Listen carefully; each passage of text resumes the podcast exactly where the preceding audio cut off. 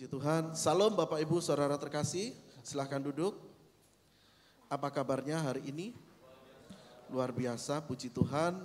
Uh, kiranya uh, berkat Tuhan selalu menyertai kehidupan kita. Hari ini Bapak Ibu Saudara, uh, tema firman Tuhan pada hari ini yaitu uh, bertema tentang persembahan, ya, persembahan persepuluhan.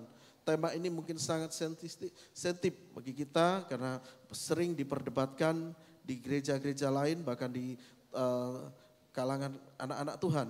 Tetapi kalau hari ini kita boleh mendengarkan firman ini biar itu menjadi berkat dan kekuatan bagi kita semua. Mari kita buka Alkitab kita di dalam kitab Ulangan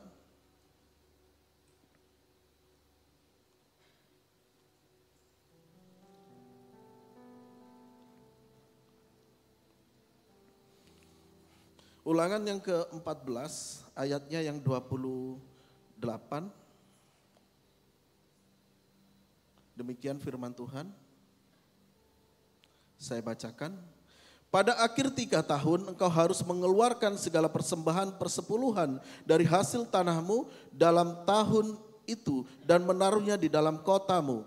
Maka orang Lewi karena tidak mendapat bagian milik pusaka bersama-sama engkau dan orang asing, anak yatim, dan janda yang di dalam tempatmu akan datang makan dan menjadi kenyang, supaya Tuhan Allahmu memberkati engkau di dalam segala usaha yang dikerjakan tanganmu.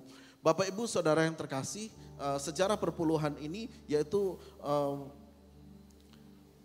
diwajibkan kepada seluruh bangsa Israel ya karena dan diberikan kepada suku Lewi Suku Lewi ini adalah suku yang tidak mendapatkan bagian yaitu tanah yaitu tanah pusaka mereka. Ketika bangsa Israel ya, keluar dari tanah Mesir dan memasuki tanah perjanjian, semua suku-suku yang lain itu mendapatkan bagian tanahnya masing-masing. Tetapi ada suku yang dikhususkan oleh Tuhan untuk melayani pekerjaan Tuhan, yaitu suku Lewi. Nah, suku Lewi ini tidak mendapatkan bagian tanah, tetapi suku suku Lewi ini akan mendapat yaitu bagian persembahan persepuluhan dari seluruh suku-suku Israel yang lain. Dan persembahan persepuluhan ini dipakai untuk apa? Di sini di sini firman Tuhan dikatakan bahwa suku Lewi itu memakai persembahan itu bukan hanya untuk dia sendiri juga. Tetapi suku Lewi itu dari sepuluhan yang mereka dapat, dia mempersembahkan kepada imam-imam. Mari kita baca di dalam bilangan yang ke-18. Bilangan ke-18 ayatnya yang 26. Demikian firman Tuhan. Lagi, haruslah engkau berbicara kepada orang Lewi dan berkata kepada mereka, apabila kamu menerima dari pihak orang Israel persembahan persepuluhan yang kuberikan kepadamu dari pihak mereka, sebagai milik pusakamu, maka haruslah kamu mempersembahkan sebagian daripadanya sebagai persembahan khusus kepada Tuhan, yakni persembahan persepuluhanmu dari persembahan persepuluhan itu. Jadi Bapak Ibu Saudara terkasih bahwa orang Lewi, orang menerima persepuluhan dari suku Israel yaitu dipakai untuk pekerjaan Tuhan. Begitupun saat ini kita sebagai Israel-Israel rohani, kita menerima uh, sebagai kita sebagai orang-orang Lewi rohani juga pelayan-pelayan Tuhan menerima persembahan dari Bapak Ibu Saudara kita pakai untuk pekerjaan Tuhan, untuk melayani Tuhan, untuk melayani orang-orang yang membutuhkan. Dan ketika kita memberi, yaitu kita harus memberi dengan sukacita. Mari kita lihat ayatnya lagi di dalam 2 Korintus 2 Korintus pasal yang ke-9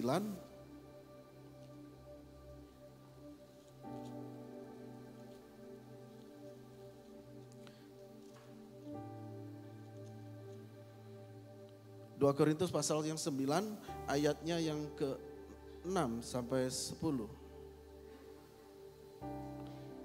Memberi dengan sukacita membawa berkat Demikian firman Tuhan, camkanlah ini, orang yang menabur sedikit akan menuai sedikit juga, dan orang yang menabur banyak akan menuai banyak juga. Hendaklah masing-masing memberikan menurut kerelaan hatinya, dan janganlah sedih hati atau karena paksaan, sebab Allah mengasihi orang yang memberi dengan sukacita, dan Allah sanggup melimpahkan segala kasih karunia kepada kamu, supaya kamu senantiasa berkecukupan di dalam segala sesuatu, dan malah berkelebihan di dalam berbagai kebajikan. Seperti ada tertulis, ia membagi-bagikan, ia memberikan kepada orang miskin kebenarannya tetap untuk selama-lamanya. Ia menyediakan benih bagi penabur dan roti untuk dimakan. Ia juga menyediakan benih bagi kamu dan melipat gandakannya dan menumbuhkan buah-buah kebenaran bagimu. Bapak Ibu Saudara terkasih, mungkin uh, satu hal ini adalah kebenaran firman Tuhan biarlah menjadi kekuatan bagi kita semua bahwa ketika kita memberi, ketika kita menabur, ketika kita mempersembahkan, itu persembahan itu harus diberikan dengan sukacita dan dengan rela hati. Jangan sampai kita bersungut-sungut. Mungkin uh, kita semua kita tahu bahwa kebutuhan kita banyak, ya angsuran banyak, kebutuhan yang lain-lain banyak. Tetapi bahwa ketika kita belajar hari ini kita mendengarkan firman Tuhan, kita belajar untuk menjadi saluran berkat Bapak Ibu. Uh, saya mengalami berkat yang luar biasa ketika saya menjalankan firman ini. Ketika saya masih uh, dulu duduk di bangku kelas 2 SMA, saya menginginkan motor Bapak Ibu. Motor itu waktu itu suatu hal yang uh, sangat luar biasa, tapi keadaan kami tidak memungkinkan keadaan kami itu orang petani tidak memiliki apa-apa. Bahkan waktu itu orang tua kami ingin merehab rumah. Rumah merehab rumah waktu itu biayanya memang nggak begi, begitu besar. Mungkin sekitar antara 10 sampai uh, eh, 15. Kalau seandainya itu dipakai untuk motor, maka kami tidak punya tempat tinggal. Kami berdo, uh, kakak kami kerja di luar negeri sebagai TK, eh, sebagai TKW. Ketika dia memberikan kiriman kepada kami, itu saya potong untuk perpuluhan. Saya kasih perpuluhan. Tapi berkat Tuhan yang lain mengalir begitu luar biasa. Waktu itu orang tua kami menanam cabai. Cabai itu waktu itu harganya eh, pas pas panen, kebetulan harganya sekitar 25 ribu. Ya Pak, cabenya nananya itu banyak. Cabai orang bilang cabai setan lah kalau orang nih cabai-cabai biasa bukan cabai yang nih. Tapi harganya cukup mah, mahal waktu itu. Sehingga pada saat hari Senin dan Kamis pas pasar kita bisa membawa untuk dijual, untuk bisa membiayai pembangunan rumah. Sehingga rumah itu selesai, ada 10 kilo, 15 kilo. Suatu berkat yang lain ketika saya menginginkan motor, kebetulan kakak kami itu juga punya motor. Dijual nggak laku-laku. Udah ditawarin ke sana ke sini kok nggak laku-laku motor ini. Dalam hati saya mudah-mudahan itu buat saya. Puji Tuhan. Dan memang itu benar ketika nggak laku itu dikasihkan untuk saya. Itu ketika kita taat Bapak Ketika taat memang berkat itu nggak langsung terjadi, ya langsung terjadi. Ada prosesnya. Ketika kita berdoa sesuatu hal, ada yang doa yang langsung dijawab, ada doa yang harus menunggu waktu. Itu waktu bahwa kesetiaan kita itu diuji.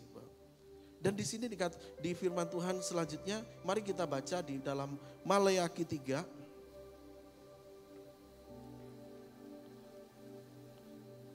masih berhubungan dengan ayat-ayat perpuluhan tadi, Bapak Ibu Saudara.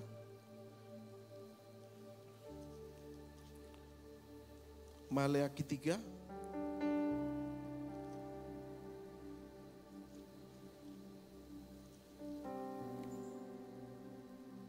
Ayatnya yang ke 6 sampai 12. Demikian firman Tuhan. Pembayaran persembahan persepuluhan menyenangkan hati Allah bahwasanya aku Tuhan tidak berubah dan kamu Bani Yakub tidak akan lenyap. Sejak zaman nenek moyangmu kamu telah menyimpang dari ketetapanku dan tidak memeliharanya. Kembalilah kepadaku maka kamu akan kembali kepadamu. Firman Tuhan semesta alam. Tetapi kamu berkata dengan cara bagaimanakah kami harus kembali? Bolehkah manusia menipu Allah namun kamu menipu aku? Tetapi kamu berkata, dengan cara bagaimanakah kami menipu engkau mengenai persembahan persepuluhan dan persembahan khusus. Kamu telah kena kutuk tetapi kamu masih menipu aku. Ya kamu seluruh bangsa, bawalah seluruh persembahan itu ke dalam rumah perbendaraan supaya ada persediaan makanan di rumahku dan ujilah aku firman Tuhan semesta alam apakah aku tidak me bukakan bagimu tingkap-tingkap langit dan mencurahkan berkat kepadamu sampai berkelimpahan. Aku akan menghardik bagimu lalang pelahap supaya jangan menghabisi hasil tanahmu dan juga jangan pohon anggurmu di padang tidak berbuah bagimu. Firman Tuhan semesta alam. Maka segala bangsa akan menyebut kamu berbahagia. Sebab kamu ini akan menjadi negeri kesukaan firman Tuhan semesta alam.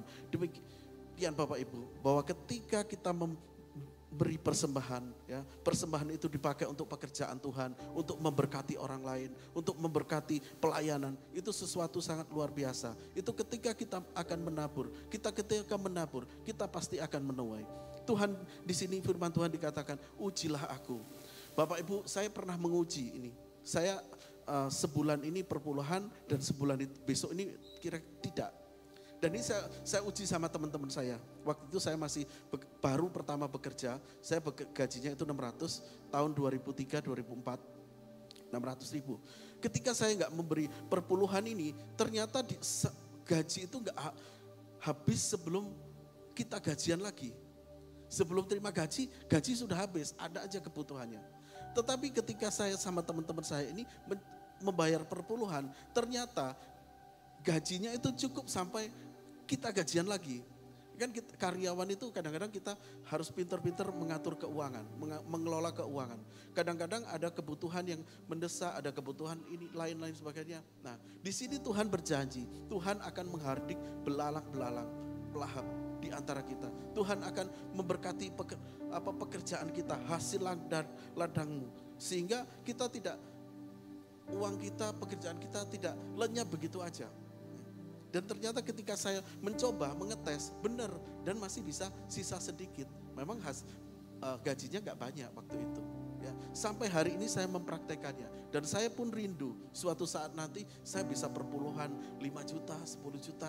Nah kalau seandainya saya bisa perpuluhan 10 juta berapa penghasilan penghasilan saya? Otomatis pasti akan besar. Itu. Saya ini saya praktekkan. Saya uh, saya berani mengatakan ini karena saya sudah mengalami Bapak Ibu Saudara. Saya punya gembala pun di kampung Bapak Gembala ini kemarin beberapa tahun yang lalu kehilangan motornya karena ditipu. Ternyata ada uh, apa? Ini jemaat baru ke sana pinjam motor, ternyata motornya itu dibawa dan digadekan. Enggak ini.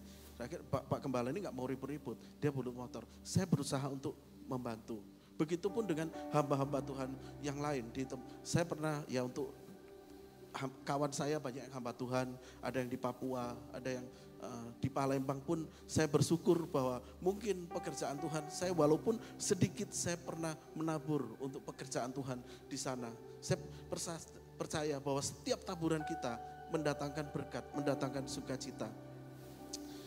Bapak Ibu Saudara, ayat emas ini uh, saya saya ambil yaitu di dalam 2 eh, Korintus 9 2 Korintus 9 ayat yang 7, hendaklah masing-masing memberikan menurut kerelaan hatinya. Janganlah bersedih hati atau karena paksaan, sebab Allah mengasihi orang yang memberi dengan sukacita. Ya. Kita mempersembahkan persembahan persepuluhan atau persembahan yang lain itu hendaklah dengan sukacita, dengan jangan sampai bersedih hati, jangan sampai bersungut-sungut. Ya. Mungkin persembahan ini kita bahas persembahan dan persepuluhan ini sering dianggap sebagai topik yang sensitif karena berhubungan dengan uang. Ya benar Bapak Ibu. Mungkin ada yang menganggap bahwa ini berlaku untuk perjanjian lama karena kita bukan orang Israel katanya. Mungkin kita adalah Israel, Israel rohani dan firman Tuhan masih kita pakai dan itu berlaku masih berlaku buat kita semua Bapak Ibu. Topik ini juga merupakan salah satu yang sering kali menjadi perdebatan di antara umat Tuhan. Apakah di zaman ini persembahan dan persepuluhan masih relevan? Bukankah hanya dilakukan pada masa perjanjian lama?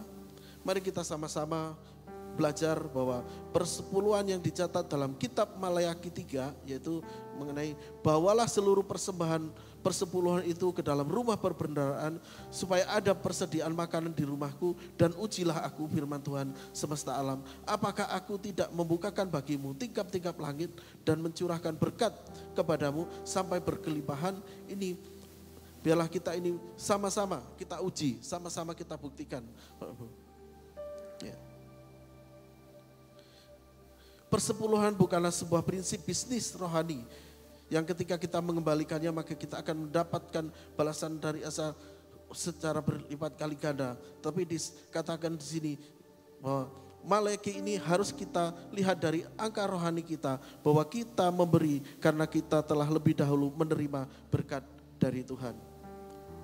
Tuhan Yesus mengecam mereka yang membayar persepuluhan tapi terjebak dalam motivasi yaitu ritual saja lalu mengabaikan yang lain yaitu keadilan, belas kasih dan kesetiaan yang terjadi di dalam uh, Matius 23 ayat 23 bahwa waktu itu orang-orang apa ahli-ahli Taurat membayar perpuluhan juga, tapi mereka tidak taat yang lain.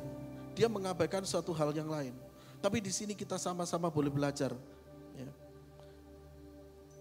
Dikatakan, apakah Tuhan Yesus ya kita dalam perjanjian baru hari ini ya menghapuskan persembahan perpuluhan sama sekali tidak Bapak Ibu Saudara ya satu harus dilakukan yang lain jangan diabaikan persepuluhan itu dilaksanakan dengan motivasi kasih dan ketaatan kepada Allah.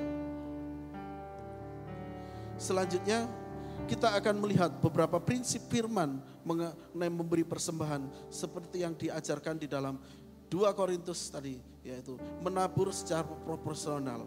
Ya.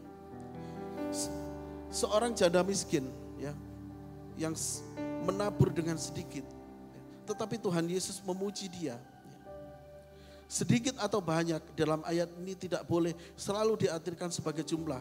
Seorang janda miskin yang memberi jumlah sedikit, yaitu dua peser uang, tapi dipuji oleh Allah. Ketika dipuji oleh Tuhan Yesus, ya, sedikit atau banyak lebih berbicara tentang proporsi, terutama motivasi, motivasi dalam kita memberi. Rasul Paulus memakai kata menabur dalam ayat ini agar kita melihat pemberian bukan sebagai sesuatu yang merugikan. Ya, ketika kita menabur, kita memberi bukan sesuatu yang rugi, tapi kita akan menuainya Bapak Ibu Saudara. Ya, ketika waktu saya masih di kampung dulu, ya, saya punya orang tua kami punya sawah, dia ketika panen dia akan menyediakan sedikit atau dua tiga karung untuk dipakai sebagai benih untuk ketika dia musim menanam berikutnya dia masih men, masih disediakan bibit, masih ada bibit untuk bisa ditanam. Begitupun juga kita kita berdoa sama-sama supaya kehidupan kita kita sama-sama bisa menabur dan kehidupan kita menjadi berkat. Yang kedua, itu menabur dengan sukacita. Di dalam 2 Korintus 9 ayat 7 dikatakan, hendaklah masing-masing memberikan menurut kerelaan hatinya, janganlah sedih atau dengan paksaan Tuhan Yesus mengajarkan suatu kebenaran yang berbeda dengan dunia ini.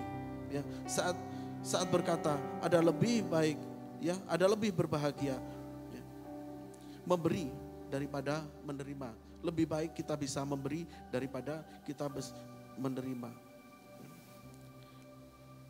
Maka kita akan menjadi umat Tuhan yang murah hati sebab Allah kita sembah adalah Allah yang murah hati yang rela turun ke dunia untuk memberikan seluruh hidupnya bukan hanya 10% tapi 100% kehidupannya untuk melayani Tuhan. Untuk melayani umat manusia, untuk menjadi penebus atas segala dosa-dosa kita. Ya. Yang ketiga, kita ketika kita menabur, kita menabur dengan iman Bapak Ibu. Di dalam Korintus 9 ayat 10, ia juga menyediakan benih bagi kamu yang melipat gandakan dan menumbuhkan buah-buah untuk kebenaranmu. Ketika kita menabur, maka kita akan menuai. Kita kita menabur, kita kita tidak akan kekurangan lagi. Karena ketika taburan kita akan dikelola dengan baik ya. Dikelola dengan baik, dikelola untuk melayani Tuhan, untuk pekerjaan Tuhan, untuk menolong sesama yang lain yang membutuhkan. Seperti di dalam ulangan tadi, begitupun orang Lewi ya menerima persembahan tidak untuk dirinya sendiri. Hamba-hamba Tuhan begitu pun menerima persembahan tidak untuk diri untuk hamba Tuhan itu, tapi dipakai untuk kemurahan, untuk melayani. Bahkan untuk perpuluhan itu pakai untuk perpuluhan lagi untuk melayani orang-orang yang membutuhkan. Ketika seorang menaati perintah Tuhan dengan cara memberi atau menabur, sebenarnya sedang mempraktekkan imannya kepada Tuhan. Kita sama-sama belajar ya, untuk mempraktekkan diri menjadi anak-anak Tuhan yang murah hati, yang mau memberi untuk pekerjaan Tuhan. Kita juga dianjurkan untuk memberi dengan prinsip yaitu ya tenaga, kita bisa memberi sesuatu dengan tenaga ya pengaruh kita, uang kita atau keahlian kita. Kita pakai untuk pekerjaan Tuhan. Dia tidak menggantungkan imannya kepada pemberian Tuhan, tapi kepada pribadi Tuhan sendiri dan meyakini bagaimana Tuhan sanggup untuk menyediakan benih bagi kita, bagi hidup kita. Bapak Ibu, di sini Tuhan juga di dalam Malayaki dia katakan bahwa ujilah aku ya. Tuhan menyuruh untuk menguji kita. Apakah apakah aku akan menghadik bagimu belalang-belalang? Ya pelahap supaya jangan dihabisi hasil tanahmu supaya jangan pohon anggurmu di padang tidak berbuah bagimu. Firman Tuhan semesta alam maka segala bangsa akan menyebut kamu berbahagia sebab kamu ini akan menjadi negeri kesukaan. Firman Tuhan semesta alam ya memberi ini bukan hanya di Kristen saja semua orang di agama-agama lain pun juga mempunyai prinsip sama ya di saudara-saudara kita bahkan di agama-agama yang lain. Ketika dia, dia punya suatu kepercayaan, ketika kita menabur, ketika menabur pasti menuai. Ketika kita memberi pasti akan menerima. Ya, berkat itu kita terima bukan bukan saat ini, mungkin bisa melalui kesehatan kita, melalui masa depan kita, melalui orang tua kita diberkati, ya. Semua Tuhan punya cara yang terbaik untuk memberkati. Dan puji Tuhan, sampai hari ini saya membayar perpuluhan, saya taat kehidupan kami. Ya bukan berarti kami mengalami hal-hal yang enak saja tapi perjalanan hidup kami Tuhan pimpin. Ada cerita yang bisa saya sampaikan ada mujizat-mujizat yang Tuhan bukakan. Memang semua mengalami proses ya. Bapak Ibu tidak ada orang langsung begitu naik ke atas semua melalui proses. Begitupun dengan seperti Yusuf. Yusuf itu kan diproses secara luar biasa. Berapa tahun untuk supaya dia oh, menjadi orang kedua di Mesir. Itu mengalami proses ya. Dia harus dijual sama saudaranya masuk ke sumur dimasukkan penjara Begitupun dengan semuanya untuk melayani Tuhan itu mengalami proses. Begitu apa yang dialami oleh Rasul Paulus. Rasul Paulus itu ketika melayani Tuhan bukan suatu hal yang enak yang dia dapat. Tapi dia mengerti bahwa kehendak Tuhan dalam hidupnya. Dia harus melayani, dia harus menyampaikan firman Tuhan ke bangsa-bangsa. Ketika kembali di Yerusalem dia harus ditangkap, dimasukkan penjara, dia harus naik kapal, diombang-kambingkan berbulan-bulan di tengah kapal, harus dipenjara di di Roma, tetapi itu adalah kesempatan ketika di penjara dia menulis banyak surat, ya, memberitakan Injil kepada bangsa-bangsa Roma. Ya. Itu suatu proses dalam kehidupan kita. Begitupun juga ketika kita ingin diberkati, kita harus berani untuk menabur, harus untuk berani untuk memberkati. Firman Tuhan tentang persembahan ya ini biar biarlah kita uh, ini menjadi kebenaran bagi kita. Memang ini menjadi perdebatan bagi orang-orang misalkan bagi banyak tetapi persembahan ini biarlah itu menjadi berkat ya. Kita memberi kita pasti akan diberkati. Gereja di tempat saya dulu mungkin pemberiannya tidak setiap bulan, pemberiannya setahun karena memang rata-rata orangnya petani. Petani itu panennya setahun sekali, setahun sekali. Itu membawa hasil bumi segala macam, ternak ya, ada ayam, ada mungkin hasil ternak mereka, hasil buminya dipersembahkan untuk pekerjaan Tuhan. Supaya di mana dikelola dengan baik, ya, ada perbendaraan Allah, ya, ada perbendaraan baik supaya Tuhan mencurahkan berkatnya bagi kita.